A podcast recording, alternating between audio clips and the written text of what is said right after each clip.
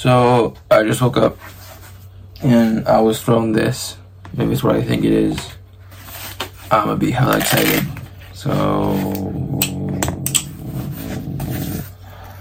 I swear to God, if I got scammed and end up buying two copies of the same volume, I'm gonna hurt people.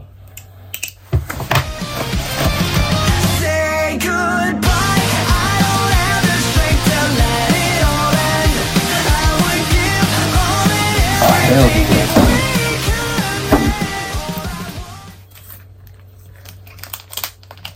Now, so far,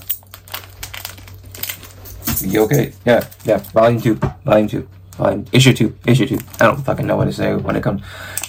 Yeah. Because when I stopped collecting comics and started collecting manga, I always said I went from saying volume to uh, I went from saying issue to volume. God, I need to clean this knife.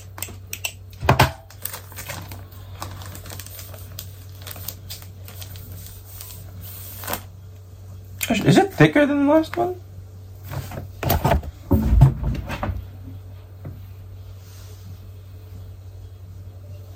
One second. Is it thicker or the, the same? Oh no, it's the same. So yeah. So I'm gonna read this real quick and I'm gonna film the rest of the video, so I'll be right back. Okay, so I'm re-recording this whole ass video because I was while I was editing, I realized it was god fucking awful because I was like dead tired, and the little crack that you saw in the video was like an old Halloween decoration that I refused to take off because it's kind of cool. So yeah, back to this comic. It is really good. They it go uh, it literally picks up right as it left off with the cliffhanger. You think he's gonna get killed, but no. There's a whole a show about him, and then Vulcan and Valkyrie come and save his ass. It's actually really. I don't want to spoil anything else. It's actually really cool. And this this is a little spoiler, but this shit, that's fucking cool.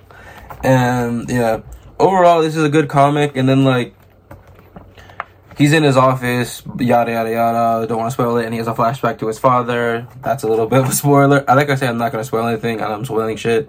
And then there's this little funny thing where it's like, apparently, this is also a spoiler. I'm just fuck. Uh, apparently, there was a training room in Hedon Tower. I think is what it's called. And I guess since it was uh, to as a joke, they're asking, "How come you never told me about this before?" It was like you never asked, and I guess that's the reason why I wasn't in the show. And um, the the little nitpick is still like when he puts it on, it's still open. It's supposed to be closed. so yeah. Uh, I'll put a link to either Amazon or eBay to buy this. This this is really good, and um, the next issue comes out in March, and I'm pissed off because I can't wait that long. Actually, I think when the when the next uh, issue comes out, I'm going to GalaxyCon when it does. So yeah. Uh, and there's even advertisement for the Kuga manga. I don't know where I put my Kuga manga. I think I lost it.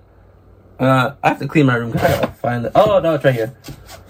It's behind the poster. Uh, so yeah, I'll leave a link to this if I can find it. So yeah, uh, yeah, because when I was editing, it was like a whole ten times longer. This is gonna be like ten times shorter. So yeah. Also, fucking, that's fucking cool. So yeah, I'll leave a link to the comic uh book if you would like to buy it and then like there's gonna be like a little weird eye thing for like the previous video and then like a Kuga video so yeah. Yeah, also I want this as a poster and then um they have just two pages or one page? They have additional shit and I want them as posters as well minus this one and this is false advertisement. She does not use her B thing. I think. I think. I think. I think I think. Yeah, she doesn't use her B thing. That's false advertisement right there. And yeah. I would want these, except this one is posters. That's fucking cool. And then there's Samuel Jackson's um, Afro Samurai thing right here. Yeah. Yeah, not many people. Um, I'll make a whole video about that later about Samuel Jackson and how he has an anime. So yeah, I'll leave a link. I keep saying this so many times. Uh, bye. I hope you enjoyed the video, even though it's kind of fucking stupid. Bye. I'm a little bit tired of quick repairs to go. A little bit tired